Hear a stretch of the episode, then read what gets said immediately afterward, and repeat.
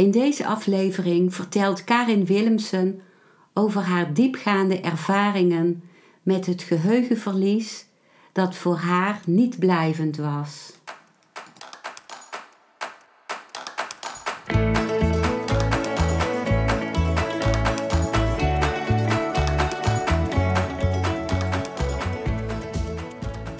Welkom bij een nieuwe aflevering van Modita's podcast Van Pijn naar Zijn.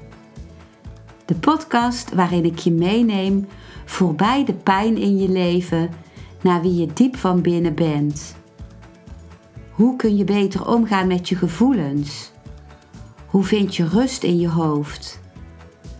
Wat zit er precies achter je pijn? En vooral, hoe kun je steeds meer jezelf zijn?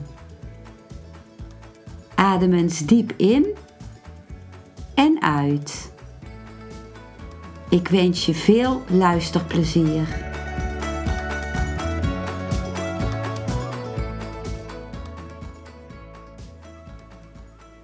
Karin Willemsen werkt ruim 28 jaar in de ouderen- en gehandicaptenzorg in verschillende functies fysiotherapeut, kwaliteitsdeskundige, coach, manager en trainer.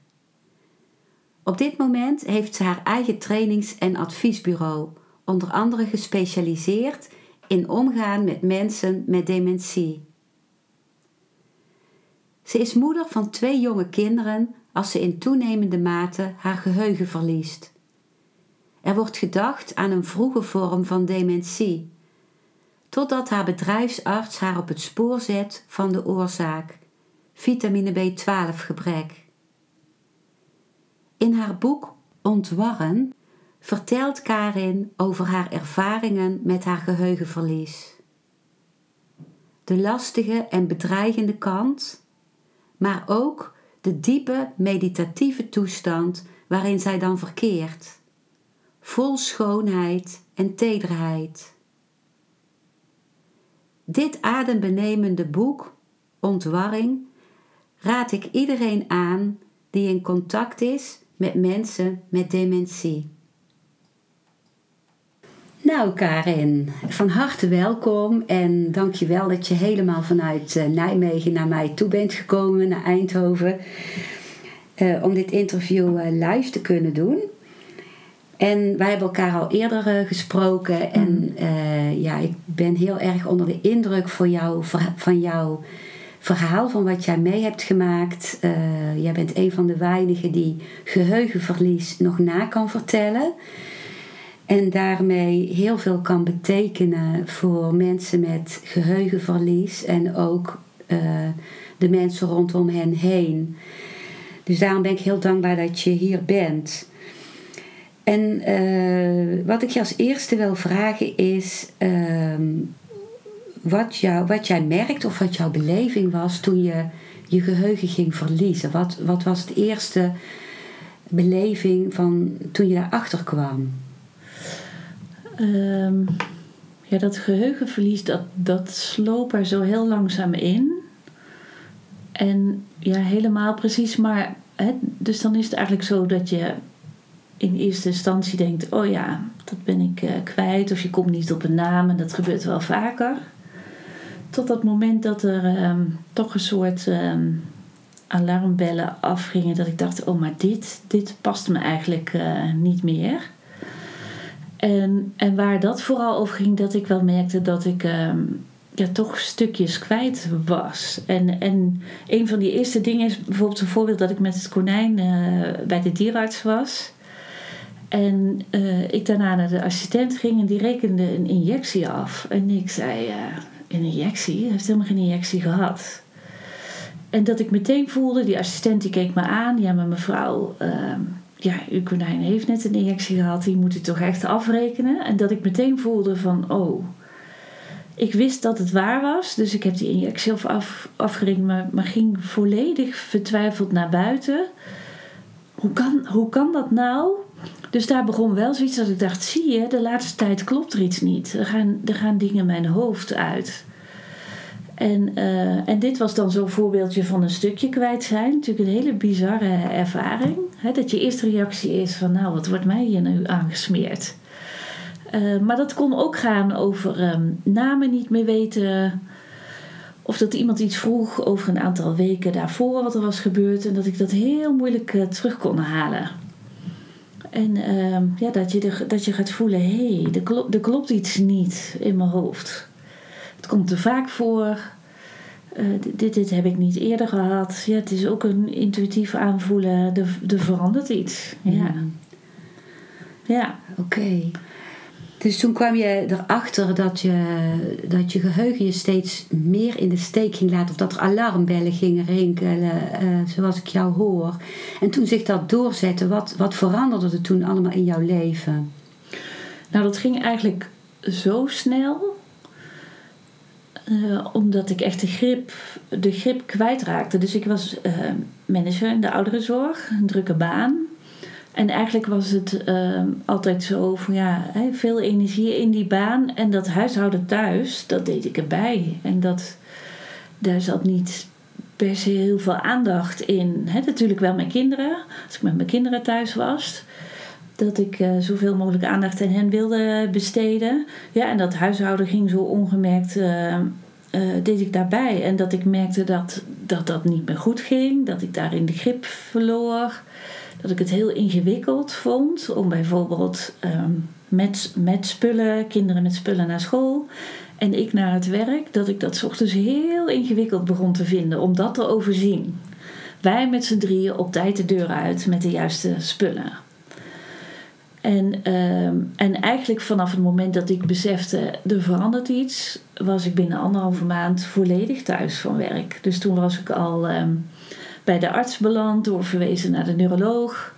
En daar kwam het eerste advies: goh, ben je niet gewoon wat moe? Stop maar eens een tijdje en dan gaan we kijken of je herstelt. Dus toen zat ik uh, al thuis, volledig van werk. Met met ja, en dat ik dat, dat huishouden en thuis de dag doorkomen een enorme klus vond. Dus dat mm. ging in een hele korte tijd uh, zo.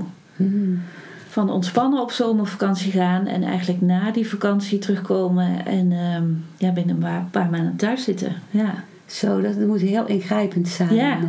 ja. ja voor mijn gevoel ineens eruit geplukt mm. en aan de zijlijn gezet. Mm -hmm. Ja. En hoe reageerden mensen op jou? Uh, nou, ik stond juist bekend om mijn hele goede geheugen. Dus eigenlijk was het zo als je mij iets verteld had. Dus ik, uh, ik gaf leiding aan een grote groep uh, mensen, allemaal behandelaren. En daar had ik om de zes weken met alle vakgroepen werkoverleg. En ik schreef altijd alles wel op, maar ik keek nooit terug naar die aantekeningen. Dat zat gewoon allemaal in mijn hoofd. En ik, ik merkte dus ook dat mensen konden zeggen. Uh, als ik op iets terugkwam wat ze mij verteld hadden, van goh, dat jij dat nog weet, want ik was het zelf eigenlijk helemaal vergeten. Dus dat ik, dat ik die reminder voor ze werd van, oh ja, dat heb ik je toen verteld en dat het al die tijd bij jou is opgeslagen. Dus daar kwam ik vandaan. Dus op het moment dat ik veranderde naar die vrouw die um, soms uh, zelfs vergat wat er in de ochtend was besproken, een paar uur daarvoor, dat mensen in het begin dachten, oh je maakt een grapje. Hmm. He, dat mensen ook wat in de war waren en zo keken van, maak je nou een grapje of, of wat is dit?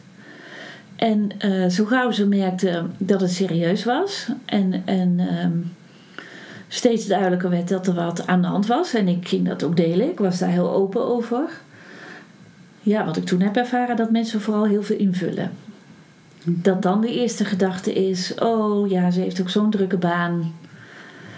En ze zorgt thuis alleen voor haar kinderen, dan zal ze wel uh, overspannen zijn. Mm -hmm. dus, dus die stap was eigenlijk heel snel gemaakt van eerst niet in de gaten hebben, dan merken en meteen conclusies uh, daarbij hebben.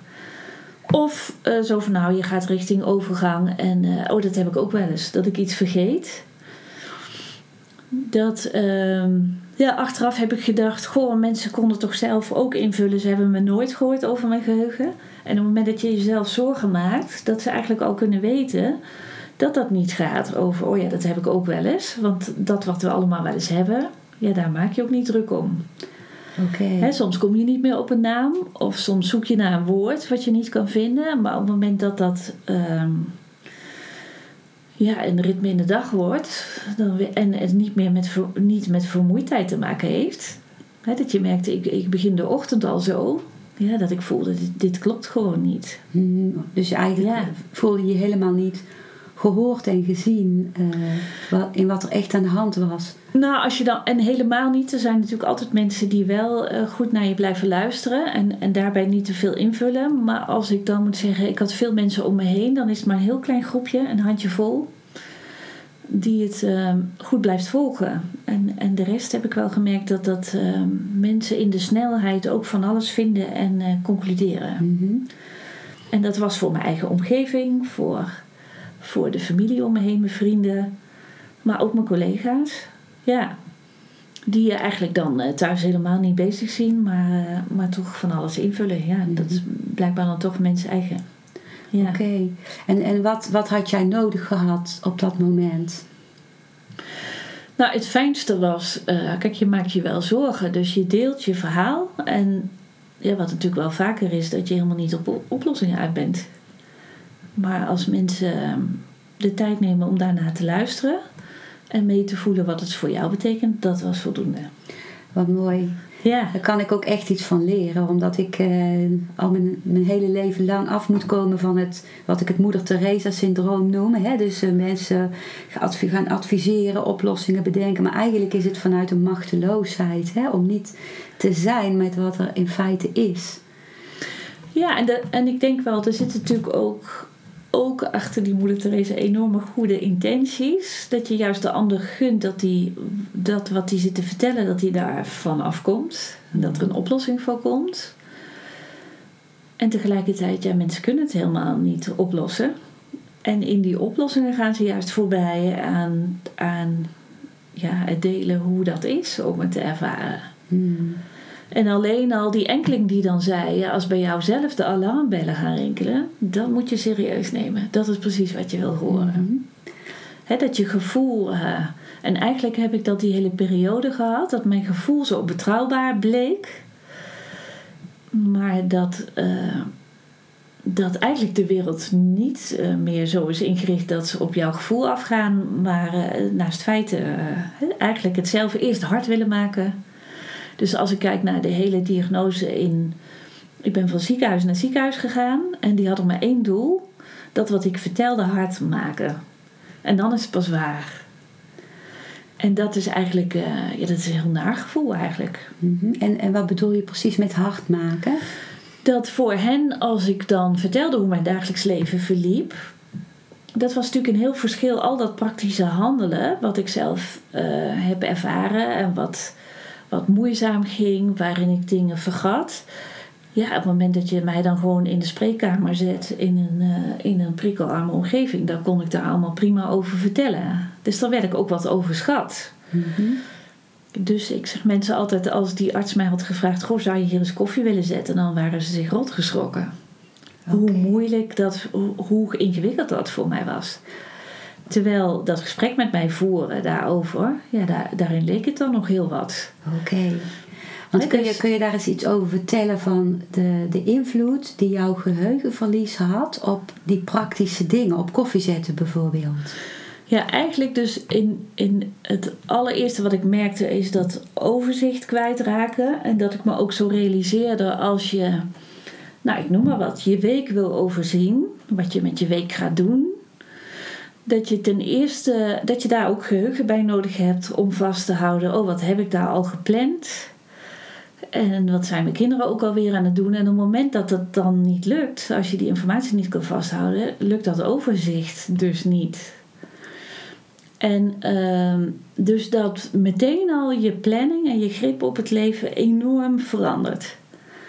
En, ehm, en je komt erachter hoe complex het dagelijks leven eigenlijk is. Dus waar ik van tevoren, wat ik zei, helemaal niet bezig was met al dat die, het huishouden thuis. Of inderdaad, ehm, dan ging ik naar mijn werk en dan was ik veel meer bezig met: oh ja, wat hebben mijn kinderen op school te doen en wat heb ik op mijn werk te doen. En alles wat daarvoor nodig was om daar te komen, ja, dat, dat, dat gebeurde gewoon, dat ging automatisch.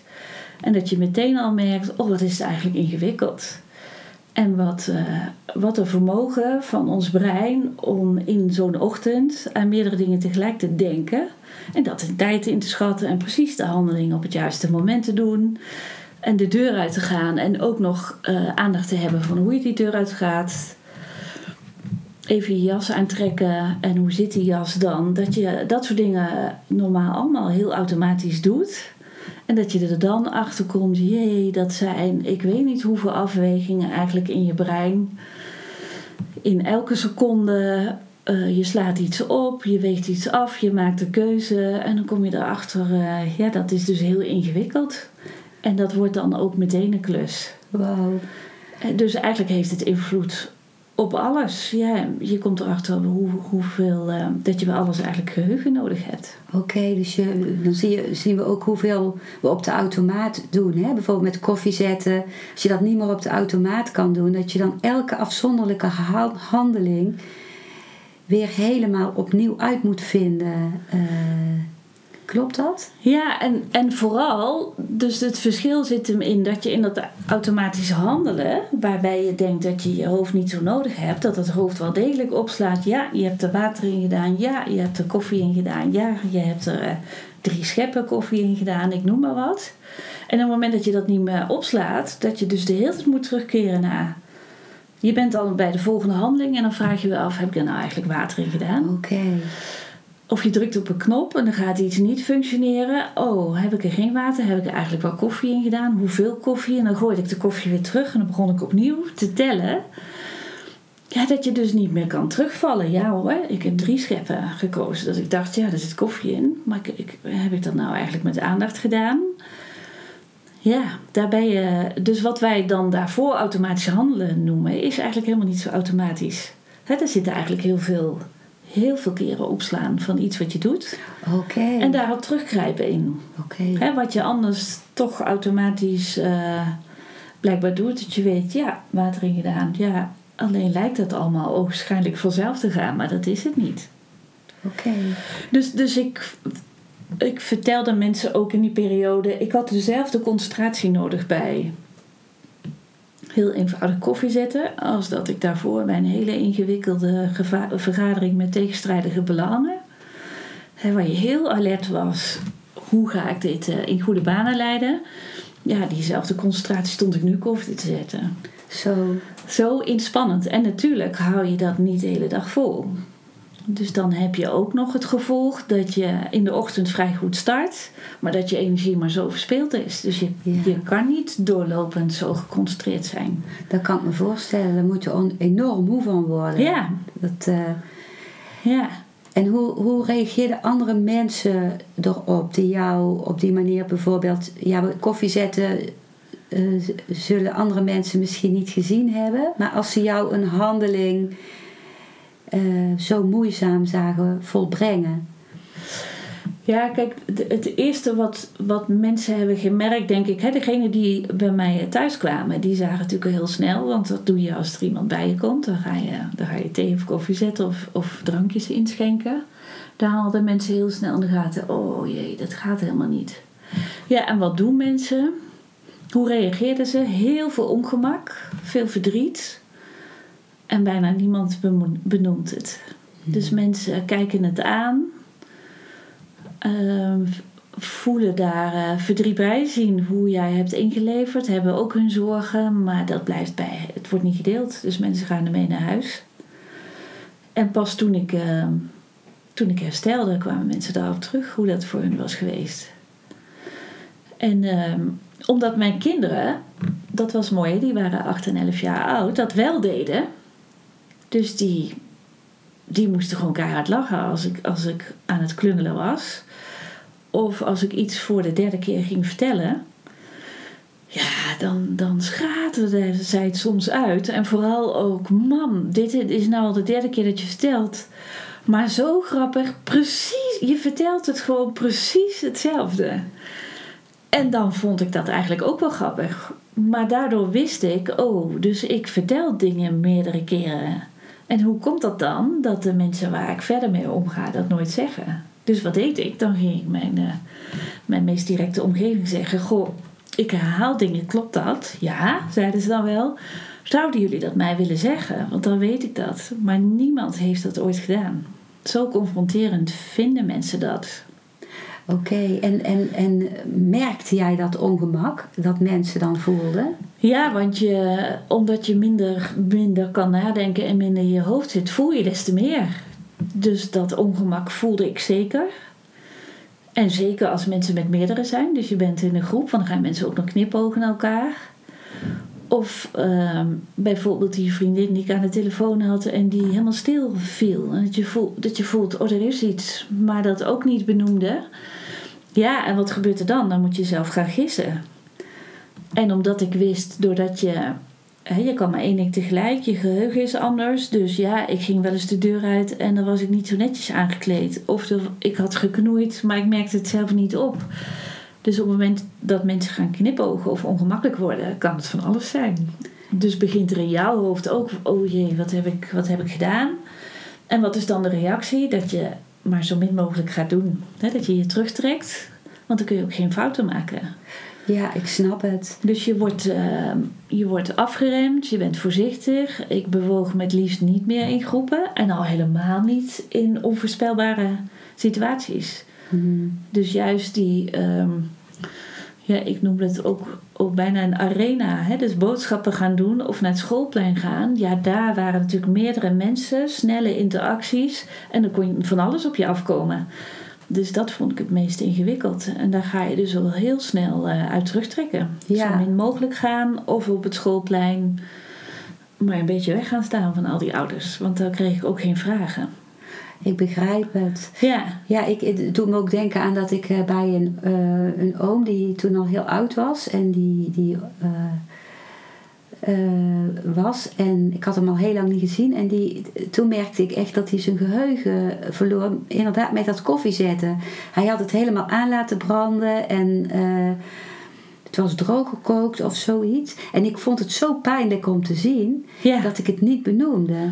En uh, ik was bang door, door het te benoemen dat, dat ik hem extra zou confronteren of pijn zou doen. Terwijl jij juist zegt: het is juist fijn om het te horen van een ander. Of... Ja, en in ieder geval, kijk, zo zit ik in elkaar. En dat geloof ik ook dat het echt niet voor iedereen zal zijn. Dus ik keek niet weg van wat ik had. Ook, nou, dat zie je sommige mensen anders doen. Dus ik had niet zozeer een schaamte bij dat het mij overkwam. Het was er gewoon. Ik was er heel open over. Ja, dus ik heb heel mijn leven ook wel zo in elkaar gezeten. Noem het een beetje maar bij de naam. Hmm. ik word liever. Uh, ik heb liever dat mensen oprecht onaardig naar me zijn. Want dan ontmoet ik tenminste die ander. Dan dat mensen dat allemaal voor zich houden en heel aardig zijn. Maar, maar aan anderen gaan vertellen hoe verschrikkelijk ze je vinden of zo. Ja. Dus ja, dat bleef zo. Hè? Zo was ik, van noem het maar zo. Dus dat ik daarom vroeg. Ja, ik kan me voorstellen. En natuurlijk gaat het dan nog om hoe doen mensen dat dan. Mm Maar als mensen gewoon hadden gezegd van... Goh, ik zie jou nou koffie zetten... En ik zie dat dat veranderd is. En hoe is dat dan voor jou? Nou, dat is fijn. Oké, ja.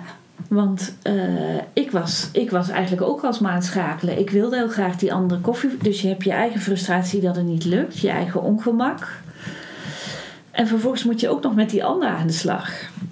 Hè, want, terwijl als die dat zelf opent, dan hoef je alleen maar te reageren. En dan kun je altijd nog zeggen van laten we het daar maar niet over hebben. Ik bedoel, dan. Ja daar kun je altijd nog voor kiezen. Maar als het niet wordt benoemd, dan ga je zelf uh, invullen. Ja, ja, heel mooi dat je dat zegt. Als ik terugdenk ook aan dat contact met mijn oom, was dat ik hem in, op dat moment als een soort patiënt ging zien, terwijl hij dat nooit gewild zou hebben. En als ik het benoemd zou hebben of iets over gezegd zou hebben, dan zouden we gelijkwaardig zijn gebleven. Dan ja, was het nou alleen dat hij met zijn geheugenverlies, dat er een geheugenverlies bij was gekomen. Maar het was open gebleven. Ja. En dan zou je ook sneller merken dat die ander het echt wel opmerkt. Dus mm. eh, het gevaar zit er natuurlijk ook nog dat je het aankijkt en ook nog ergens concludeert, diegene merkt het zelf niet. Ja. En die, uh, dat wordt maar gemakkelijk geconcludeerd. Ja. Ik ben Ja. niet de enige die het merkt. Zodra zodra je het openbreekt, ja, dan kun je daar ook Ja. over vertellen hoe het is. Ja, hij was inderdaad al heel veel supplementen en alles gaan slikken om, om het geheugenverlies tegen te gaan. En zichzelf dwingen om elke dag een stuk te lezen, om maar Ja. zijn geheugen te trainen. Ja. Ja, in ons voorgesprek beschreef je de tijdloze toestand waarin je verkeerde eh, toen je je geheugen kwijt was. En hoe je helemaal in het hier en nu was. En kun je dat gevoel beschrijven, hoe dat voelde en was? Ja, en dan, dan zijn we echt verder op in die tijd. Dus ehm, eh, ik, ik was al drie kwart jaar eh, thuis met, hè, met het verminderde geheugen. Ze waren nog steeds op zoek van wat is hier nou de oorzaak van. En in die eerste tijd dat ik ehm, mijn beperkingen kreeg, ja, blijf begrijp je zelf ook heel erg terug op je oude leven. Dus terug naar die baan, terug naar de snelheid, terug naar het geheugen. Maar hoe langer ik eh, dat geheugen eh, steeds meer te- kwijtraakte, hoe minder ik daarmee bezig was. En inderdaad steeds meer in het hier en nu belanden, niet terugkijken en ook niet vooruitkijken, want het is ook ingewikkeld. Verderop in de week kijken is ook moeilijk, want ehm, ja, het is bijna niet uit te leggen. Dat ik, hè, als ik nu een week vooruit kijk, heb ik precies een gevoel: oh ja, we zijn op maandag, die hele week ligt nog voor me, daar kan ik dat en dat allemaal mee doen. En toen kwam dat alsof die week beetje voor beetje tot je kwam en je dan pas wat met die tijd kon doen. De ochtend opstaan, nog net de ochtend overzien, maar pas in de middag kon ik dan nadenken over de middag. En ook dat, dat is echt nadenken met heel veel concentratie, dat hou je allemaal niet vol. Dus op een gegeven moment kom je in zo'n staat van, ja, het, laten gebeuren. En heel erg in het moment eh, leven. Dus de intensiteit van dat eh, beleven, van, van ja, wat ik ook deed, veel wandelen in de natuur, die werd, werd zoveel groter. Dus als ik nu in het bos ga wandelen, dan ben ik aan het nadenken over wat, eh, wat ik net daarvoor heb gedaan. Maar ik denk ook na over mijn agenda, wat er ook nog moet. En omdat dat toen niet lukte, ben je alleen maar in het bos en zie je wat daar is. En die enorme bedrijvigheid heb ik nog in het bos van alle dieren die daar zijn. En de verandering van de natuur die is me nog nooit zo opgevallen als toen. En daar zit, daar zit iets heel iets prachtigs. Dus die intensiteit neemt zo toe. En natuurlijk, als je verdrietig bent, is, die ook, is dat ook veel intenser. Maar, eh, maar als je aan het genieten bent ook. Dus het is eh, ja, ook heel mooi. En dat was wel de, voor mijzelf de verrassing. En daar was ik op dat moment ook allemaal niet over aan nadenken. Dat is eigenlijk achteraf pas dat besef gekomen van... oh, maar wat was het ook mooi. Wauw. Dus je verliest iets, maar, maar het is niet alleen maar verlies. Ik kreeg er ook iets, een vermogen bij, wat ik daarvoor niet had. Wauw. Eigenlijk eh, alles wat, wat voor de beleving van het moment stond, was weggehaald. Door het geheugenverlies. De muur die normaal gesproken Ja, zo. Ja, staat. zo. Dat bedoel je. Ja. Ja. En juist, ehm, nou, en dat je inderdaad daarvoor, dat je die momenten wel had. Hè, dat je, juist als je iets heel moois vindt, even gevangen wordt. Maar voordat je het weet, ben je weer afgeleid naar, naar, naar het moment daarna of het moment daarvoor. En ook de mensen om je heen doen dat. Dus mensen die je komen opzoeken, die zijn ook maar weinig bezig met hoe ben je dan hier en nu, maar ook veel meer in die totale conclusies. Wat heb je allemaal gedaan of wat, wat gaat er nog gebeuren? Oké. dus dat er ook ja, gespreksthema's sowieso maar weinig gaan over eh, wat zien we nu samen in het bos. En het mooie daarvan was ook dat dat zo intact blijft. Dat die beleving, daar, eh, ja, daar, dat vermogen verlies je niet. Dus daar ben je inderdaad heel gelijkwaardig. Hmm. Als je samen aan het kijken bent, eh, wauw, zie je dat ook? Dan zie je ook dat blad, dat was gisteren nog heel klein. Ongelooflijk. Het is ineens zoveel groter eh, gegroeid. Hoe kan het nou? Ja, dat viel me daarvoor helemaal niet op. Dus, dus eigenlijk de, de echte ontmoeting tussen mensen is in het nu. Ja, Ja. En, en, en gek genoeg weten we dat eigenlijk wel. Want als wij verliefd zijn als mens, dan eh, is dat natuurlijk precies wat er gebeurt. Dan, dan hebben we ook niet meer heel veel taal met die ander. Hè? Dan voelen we vooral heel veel aan. En we zijn ook niet, we vergeten letterlijk de tijd. Hè, Dus het zijn de geliefden die denken, ja, is nu, is nu alweer om. Ehm, en daar beleven we allemaal heel veel geluk in. En het gekke is dat als dat op dezelfde manier ontstaat doordat je geheugen verliest, dan vinden we dat vooral alleen nog maar drama. Hmm. Dan zijn we met z'n allen zoveel waarde hechten we aan cognitie in de huidige maatschappij. Dat we het dan alleen nog maar als drama beschouwen. Van ja, jij kan niet meer terugkijken, jij kan niet meer vooruitkijken. Maar het zou veel erger zijn als je dat vermogen in het hier en nu zou verliezen. Want dan zou je ook het geluk verliezen. Oh, wat prachtig. Eh, wat prachtig verwoord. Ja, wat jij beschrijft is, is, is eh, meditatie. Dat, dat, dat inspireert mij zo in meditatie, jouw verhaal. Omdat je helemaal in het nu bent en die beleving. Ja, en, Ja. en inderdaad, waar heel veel mensen naar streven en naar een cursus gaan en daarvoor betalen. Ja, En, en dat is ook wel wat ik heel vaak zei naar mensen achteraf. Ik had een gratis mindfulness cursus. ja, Ik hoefde niet meer uit mijn hoofd gehaald te worden. Want dat vermogen had ik juist niet meer zo goed. Maar dat levert heel veel mooie dingen op. wat mooi. Ja, En op de, de voorkant van jouw boek Ontwarren staat de afbeelding van, je, van jou die daar zit in, voor een hert wat daar staat. En dat vond ik zo mooi wat je daarover vertelde. Zou je daar iets van willen Ja. delen? dat is echt een eh, niet voor niets op de voorkant eh, beland. Ehm, op vakantie met vrienden was ik. En eh, op dat moment ging ik overigens alleen de duinen in. En, eh, en daar was een hertje in de duinen. Een hertje of een ree. En dat ik... ehm, ja, dat het zo'n magisch moment werd. Omdat wat je natuurlijk verwacht als een hertje je ziet... Dat het schrikt en dat het er vandoor gaat. Maar in, dat in dit geval ik zelf zo opging in die natuur. Dat het hertje ook zo op mij reageerde. Alsof eh, er niets aan de hand was. En dat hij eh, gewoon op zijn gemak eh, was. En ik weet dat ik mijn fotostel bij me had. En dat ik ergens nog een foto wilde maken. Omdat het zo magisch was. Maar het ook niet durfde om het moment niet te verstoren. Dus dat hertje en ik hebben elkaar daar aan staan kijken. Dat was letterlijk wat er gebeurde. En dat, ja, dat was zo fantastisch mooi. En, eh, en inderdaad, eh, dat ik achteraf dacht... Hè, dat ongemak wat ik had op, de, op het schoolplein of in de supermarkt... dat het daar in die duinen totaal niet aan de orde was. Dus dat je daar juist helemaal opgaat in, in de natuur. En ehm, ja, dat, het, het omge- dat ik daar ook zo op mijn gemak was. Net zoals dat hertje. En ook een beetje schichtig voor de mensen die daar wel wandelden. En die mij wel vragen zouden kunnen stellen. Of misschien wel de- naar de weg konden vragen. Dat waren natuurlijk altijd weer momenten die mij confronteerden. Want die vragen kon ik niet beantwoorden.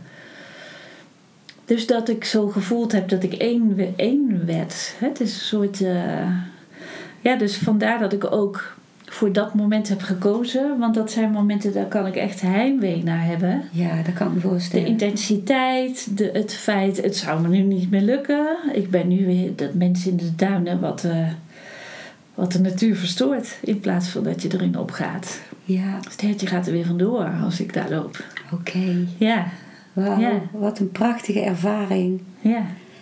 En je beschreef hoe, eh, hoe jouw rationele geheugen verdween, maar dat je emotionele geheugen wel intact was, hè? Ja, en dat, dat blijkt dus ook zo eh, te zijn bij mensen met dementie ook. Dat, eh, dat weinig mensen weten dat je inderdaad feiten vergeet. Dus als, ik noem maar wat, als er bezoek was geweest, dat ik de, vorige, de volgende dag echt niet meer goed wist wie dan. En dan helemaal niet waar we het over gehad hadden. Maar of het fijn was met diegene, dat wist ik echt wel. Dus eh, dat juist, dus ehm, hoe het was om te verdwalen, dat ik dat nu nog zo haarfijn kan terughalen. En waar het dan precies was, en wanneer in dat jaar. Dus ik merkte ook toen ik het boek ging schrijven dat ik enorm verrast werd. Dat ik zelf een heel, ander, heel anders terugkeek in, in andere volgordes. Dat was, was allemaal niet scherp. Maar als het gaat over beschrijven hoe het was, ik schreef dagboeken, vond ik in dat dagboek precies terug wat ook in mijn herinnering zat. Hè, hoe is dat dan om ehm, niet meer te weten hoe je naar huis komt? Ja, die, die angst en die paniek, ja, dat weet ik nog heel goed. Dus dat verschil en dat je dat juist omdat het zo intens is en daar geen enkele filter bij zit, je juist dat uh, heel erg opslaat. Zo. En, en wat, wat, wat, gebeur, wat, wat deed je dan als je, uh, als je de weg naar huis niet kon vinden of als je die paniek had? Uh, of was dat elke keer anders? Ja, die eerste keren was echt verschrikkelijk. Um, en wat dan ook wel verwarrend was, dat je daar nog, hè, dat je daar nog in de uh, dat je daar nog gewend bent, dat je het altijd wel wist. Dus dat je eerste reacties zo zijn van, oh ach ja, ik heb natuurlijk vergist als ik hier dan de hoek om ga, ik ben gewoon verkeerd gelopen. Als ik hier dan de hoek om ga, dan, uh, dan weet ik het wel weer en dan loop ik zo naar huis. En dat je gaat merken, ja, of dat je dat eh, ook denkt, dan ga je de hoek om, denk je, zie je wel, nu weet ik het. En vervolgens uh, merk dat je rondjes aan het lopen bent. Dus dat je het niet weet. En dan, ja, dan ben je vooral aan het verstouwen. Dus het eerste wat er dan wel gebeurde was dat enorme besef van, oh, er is iets echt niet in de haak. En ik werkte in de ouderenzorg, dus het nare is ook dat je zelf heel veel dingen kan plaatsen. dus alles wat ik zelf geleerd had als fysiotherapeut en later als manager en wist over mensen met dementie, overkwam mijzelf. Dus je kan precies herkennen: oh jee, nu heb ik dit ook al. Ja, en dan sta je. En ik kan me voorstellen dat mensen me soms heel lang op een plek hebben zien staan. Want dan kun je maar één ding tegelijk, dus dan ben je eerst dat aan het verwerken. Hmm. En wat ik daarna dan wel deed, en dat stelde ik best lang uit, mensen gaan vragen. Oké. Maar ook dat is, uh, ja, blijkt dan toch anders. Uh, ook daarvan heb ik later gedacht, als je oud grijs bent en je vraagt naar de weg, zal iedereen meteen denken: oh ja, dit, hè? mevrouw weet niet meer zo goed ik help even en misschien loop ik wel mee. Maar als je zo jong bent, sommige mensen zeiden ook maar, nou, doe eens even normaal alsof, je, alsof je de draak met ze steekt. Of, uh, en eigenlijk heb ik ervaren dat alleen kinderen, jonge kinderen of jongeren, je gewoon antwoorden. Helemaal niet bezig zijn met hoe komt dat dan? Of wat is er met die vrouw? Gewoon antwoorden wat je vraagt. Mooi. maar dat volwassenen daar eerst allerlei interpretaties aan geven. Oké.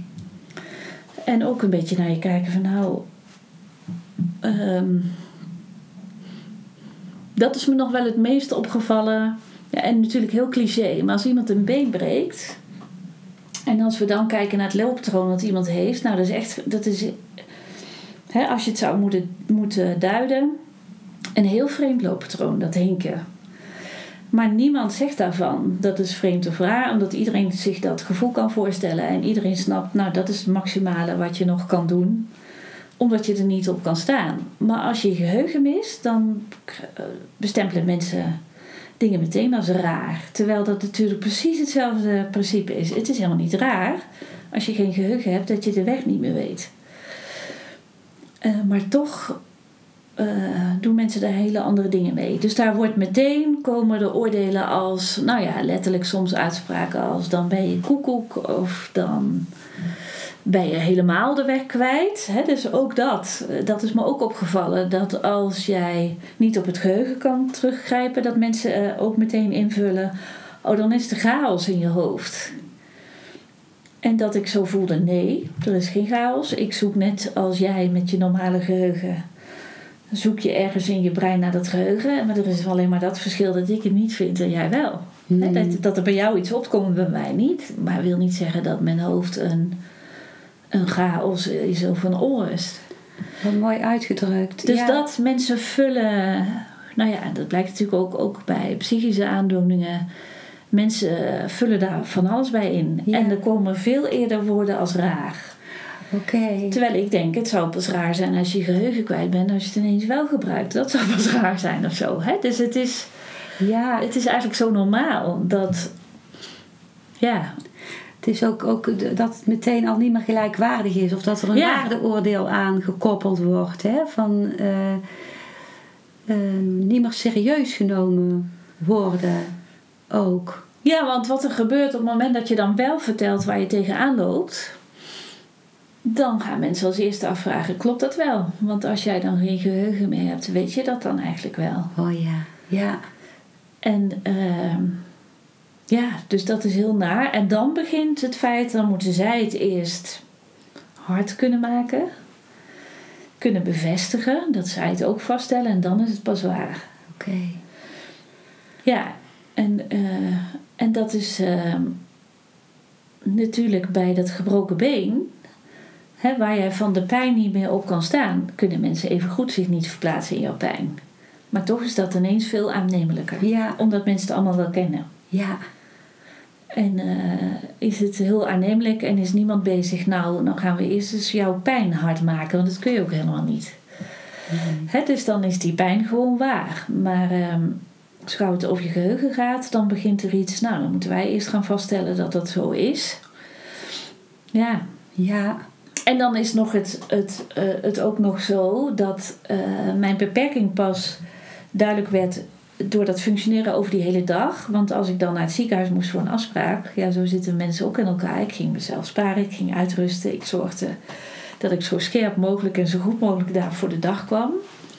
Achteraf heb ik daar dat ook wel verdrietig gevonden. Dus je bent eigenlijk je eigen diagnostiek aan het tegenwerken, omdat je daardoor ook overschat wordt. ja, je zit op, op je, je zorgt dat je uitgerust bent, waardoor je daar misschien nog best een goed gesprek kan voeren. Maar vervolgens zit je de rest van de dag thuis, eh, gaat er van alles mis omdat je zo moe bent geworden van die ene afspraak. Ja. Maar dat ziet niemand. ik snap het. Ja, En toen bracht de bedrijfsarts jou op het spoor van vitamine B12 gebrek, hè, uiteindelijk. Omdat de bedrijfsarts ook bezig was met natuurlijke geneeswijzen. Ja, die deed op dat moment de studie, eh, natuurgeneeskunde. En die had het over de vitamine B12. Zij was overigens een van de mensen die heel goed naar mij luisterde. Dus belde me elke zes weken. Vulde weinig in, maar luisterde heel goed naar wat ik vertelde. Dus van haar kwam er een mail. Goh, we hebben het hier over die B12, maar alles wat je hebt kan eigenlijk daarbij horen. Heb je toch niet een tekort? En ehm, nou, dat was al ehm, zes, misschien wel zeven keer bloed geprikt. Dus ik, ik, ik ben in drie verschillende ziekenhuizen eh, onderzocht. En dan ook nog op verschillende afdelingen binnen die ziekenhuizen. Of je nou bij de neurologie of interne geneeskunde of de revalidatie. Overal gaan ze hun eigen onderzoeken doen. En steeds was er gezegd, je bloedwaarden zijn prachtig. En toen kwam zij met die vragen over die B12. En ik had zoiets, ja, ik, weet het eigenlijk niet. Ze, wil je de waarden eens opvragen? Ja, en toen bleek die helemaal aan de onderkant te zitten voor Nederland nog een, eh, een laag normaalwaarde. Eh, maar in de natuurgeneeskunde eigenlijk een waarde waarvan ze zeggen, dan, ja, dan is je bloedwaarde wel normaal. Maar dan kan er toch een cellulair tekort zijn. Hè, dus aanvullen de moeite waard, eh, baat het niet, gaat het niet. Eh, ja, dus dat was haar eerste vraag. Als je waarde eh, in die mail, als de waarde onder de 350 zit, zou het de oorzaak kunnen zijn. Ja, mijn waarde was 180. En ehm, ja, dus zo is het gelopen. En toen ging ik lezen over vitamine B12 tekort. En toen vond ik ook alles wat ik had terug. Hè, want naast het geheugenverlies had ik ook allerlei lichamelijke verschijnselingen. Snel duizelig, snel misselijk, verminderd gevoel onder mijn voeten. Eh, ik kon mijn rechtervoet minder heffen, mijn reflexen waren minder geworden. Ja, B12 eh, gaat ook over zenuwgeleiding. Dus achteraf, eh, ja, dat was heel bizar. Dat weet ik ook nog, dat ik ging lezen en ik dacht... Hè, waar de artsen hadden gezegd, juist het is vaag en het, het zijn vage klachten. Dat je opeens een lijst terugvindt waar alles in staat wat je hebt. Maar goed, dan moet je ook nog gaan ervaren. Werkt het dan als we gaan eh, toevoegen? En wat eh, gebeurde er toen, toen het eh, vitamine B12 toegevoegd werd? Ja, dus ze beginnen dan ehm, met de injecties. Hè, uit het vermoeden, stel dat je het niet meer uit voeding opneemt, dan hebben supplementen geen zin. En elke drie dagen, dus de eerste tien injecties krijg je om de drie dagen.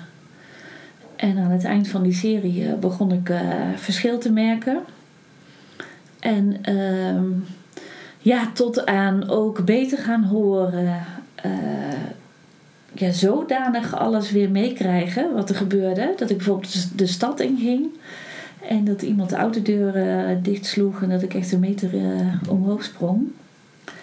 En uh, ja, dat ik, dat ik de bus naar huis terug heb gepakt met de handen om mijn oren om me af te sluiten voor alle prikkels. Ineens kwam alles weer binnen. Maar als het gaat over de alertheid, ging dat zo ongemerkt dat ik op een gegeven moment bijvoorbeeld weer stond te koken. En koken was iets heel ingewikkelds geworden. En daar had ik de kinderen ook altijd bij gezegd: kom dan maar niet een heel gesprek voeren, want dat gaat niet tegelijk. En dat ik ineens stond te koken en mijn dochter stond bij me te babbelen. En ineens besefte: kijk mij nou. En dat was gewoon binnen, binnen drie weken alweer zo. Zo. Dus dat herstel van, van alertheid en geheugen ging ja, alsof je diesel in de auto gooit. Hup, brandstof erin en daar ging ik weer. En alle lichamelijke verschijnselen hebben een aantal maanden geduurd. Heeft veel langer geduurd. En natuurlijk, ik ging uiteindelijk weer werken. Moet je ook een soort conditie uh, weer opbouwen. Uh, maar bizar hoe snel dat ging. Ja, echt bizar hoe het heel geleidelijk was verminderd. En binnen drie weken dat dagelijks leven ook weer zo werd. Dat je dus niet meer nadenkt over dat koken en gewoon een gesprek met je dochter voert. Ja, dat is, dat is echt heel. Het is ook niet te beschrijven wat dat uh, voor een ervaring is. Goh. Dat wat je dacht voor goed te hebben verloren, dat je het weer terugkrijgt. Ja. Ja. Ja. Goh. En um, wat merk je nu dat je uit deze, dat wat je ervaren hebt met jouw geheugenverlies, hoe heeft dat jouw leven van nu beïnvloed? Wat haal je eruit voor je leven van nu? Ja, veel meer ehm, waardering voor de gevoelskant van de mens. En die interesseerde me altijd al. Dus in die zin was ik wel iemand die sensitief was. Maar toch ook vatbaar als ik dan terugkijk daarvoor. Die carrière, het feit uh, dingen presteren, uh, veel dingen tegelijk doen, omdat het uh, ja, toch een wat andere focus. En, en toen ik weer herstelde, mijn agenda is nooit meer zo vol geraakt als daarvoor. En natuurlijk. Ehm, de mensen om je heen houden wel, eh, heel veel mensen draven nog steeds mee en hebben wel drukke agenda's. Dus dan, dat valt niet mee om in die stroming uh, daar niet in mee te gaan. Dus het overkomt me nog wel eens. Maar mijn agenda is gewoon minder vol. Ik hou, hou nu echt van weekenden waar juist niet te veel afspraken in zitten. Om, om net zoals toen, wat ik toen niet anders kon, om het gewoon weer te laten gebeuren. Ik kan heel goed stilzitten in, of in mijn tuin gewoon in de hangmat. En uh, hè, oog hebben voor wat er omheen gebeurt. En daar helemaal ehm, niet meer nodig hebben dan dat. Hè, niet zo van, nou, dan moet er wel iets gebeuren het weekend. Of het is pas een leuk weekend als ik minstens mijn vrienden heb gezien. Uh, ja, dat, dus, dus een hele andere focus. Ja. Wat kostbaar. Ja. Nou, um, ik wil jou heel erg bedanken, um, Karin, voor dit interview.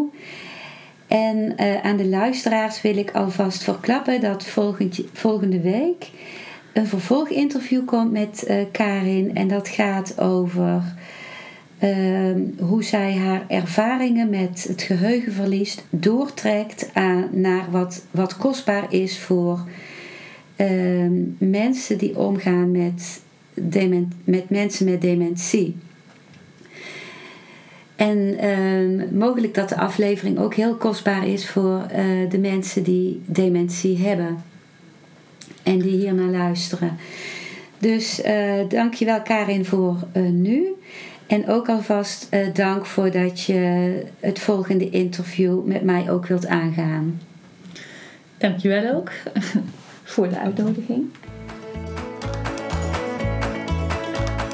Dankjewel voor het luisteren naar deze aflevering. Ik hoop dat hij je een nieuw inzicht of perspectief heeft gegeven. Ik hou van interactie, Dus als je iets wilt delen, stuur me dan een mailtje op info.genietenvanmeditatie.nl. Ik geef je dan altijd antwoord. Ik wens jou dat je vreugde in het dagelijks leven zult ervaren en innerlijke rust. En dat je steeds meer je pijn zult kunnen omvormen in zijn. Je kunt de afleveringen van deze podcast volgen via Spotify, Google Podcast, Apple Podcast en Podbean door op de volg- of abonneerknop te klikken. Als je luistert via de Apple Podcast, dat kan alleen als je een iPhone hebt, heb je een extra voordeel. Omdat als je op de knop abonneren klikt, je steeds een berichtje op je mobiele telefoon ontvangt als er weer een volgende aflevering van mijn podcast verschijnt. Je bent van harte welkom bij die volgende aflevering.